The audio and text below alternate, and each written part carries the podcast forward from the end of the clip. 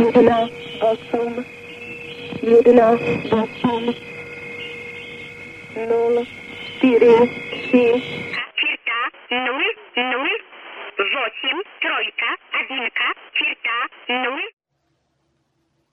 Serem ya klip barusan? Nah, suara yang baru saja Anda dengar tersebut adalah contoh suara dari transmisi number station. Apa itu number station? Yuk kita bahas di episode kali ini.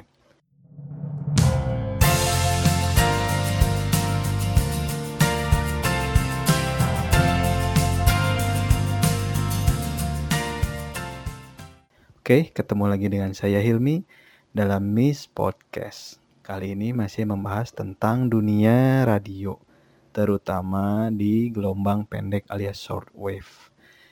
Salah satu transmisi yang bisa atau sinyal yang bisa ditangkap dari mendengarkan radio gelombang pendek adalah contohnya seperti klip barusan itu, yaitu number station. Number station adalah transmisi yang isinya sebenarnya hanya berupa orang, biasanya perempuan, laki-laki atau anak kecil yang eh, menyebut angka-angka alias number secara berulang-ulang. Angkanya sih random, ya kalau bisa dibilang random sih random kalau kata kita. Tapi mungkin untuk orang yang dituju itu adalah sebuah kode. Jadi number station itu konon katanya adalah kode atau apa ya angka-angka kode yang disampaikan atau ditransmisikan oleh mata-mata di dari suatu negara yang di mata-mata dari suatu negara yang diutus ke negara lain kemudian membuat dalam tanda kutip laporan ke negara asalnya dengan berupa mengirimkan angka-angka tersebut. Jadi laporannya dikirim melalui radio dalam frekuensi gelombang pendek agar tidak mudah di apa ya dicegat lah. Tidak seperti misalkan taruh kirim melalui email misalkan datanya akan sangat mudah disadap atau diblokir. Sedangkan melalui radio tidak mudah diblokir gitu. Makanya sampai sekarang katanya masih cukup efektif untuk mengirimkan informasi rahasia dari para mata-mata tersebut ke markasnya di negara asalnya.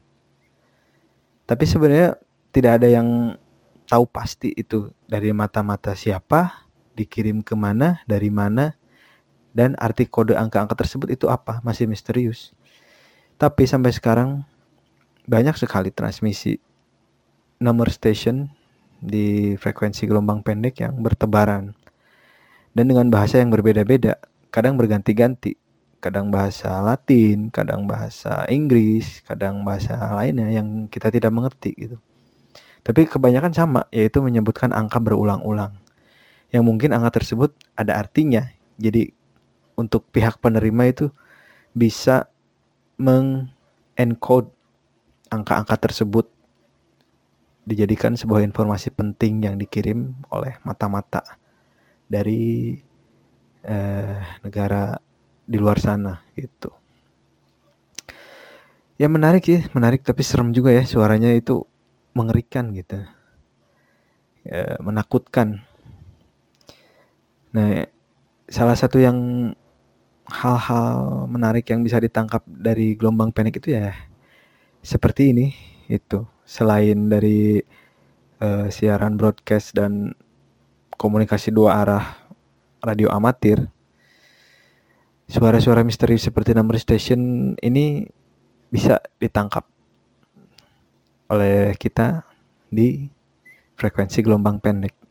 Ini salah satu menariknya hobi mendengarkan gelombang pendek. Oke, sekian dulu episode kali ini.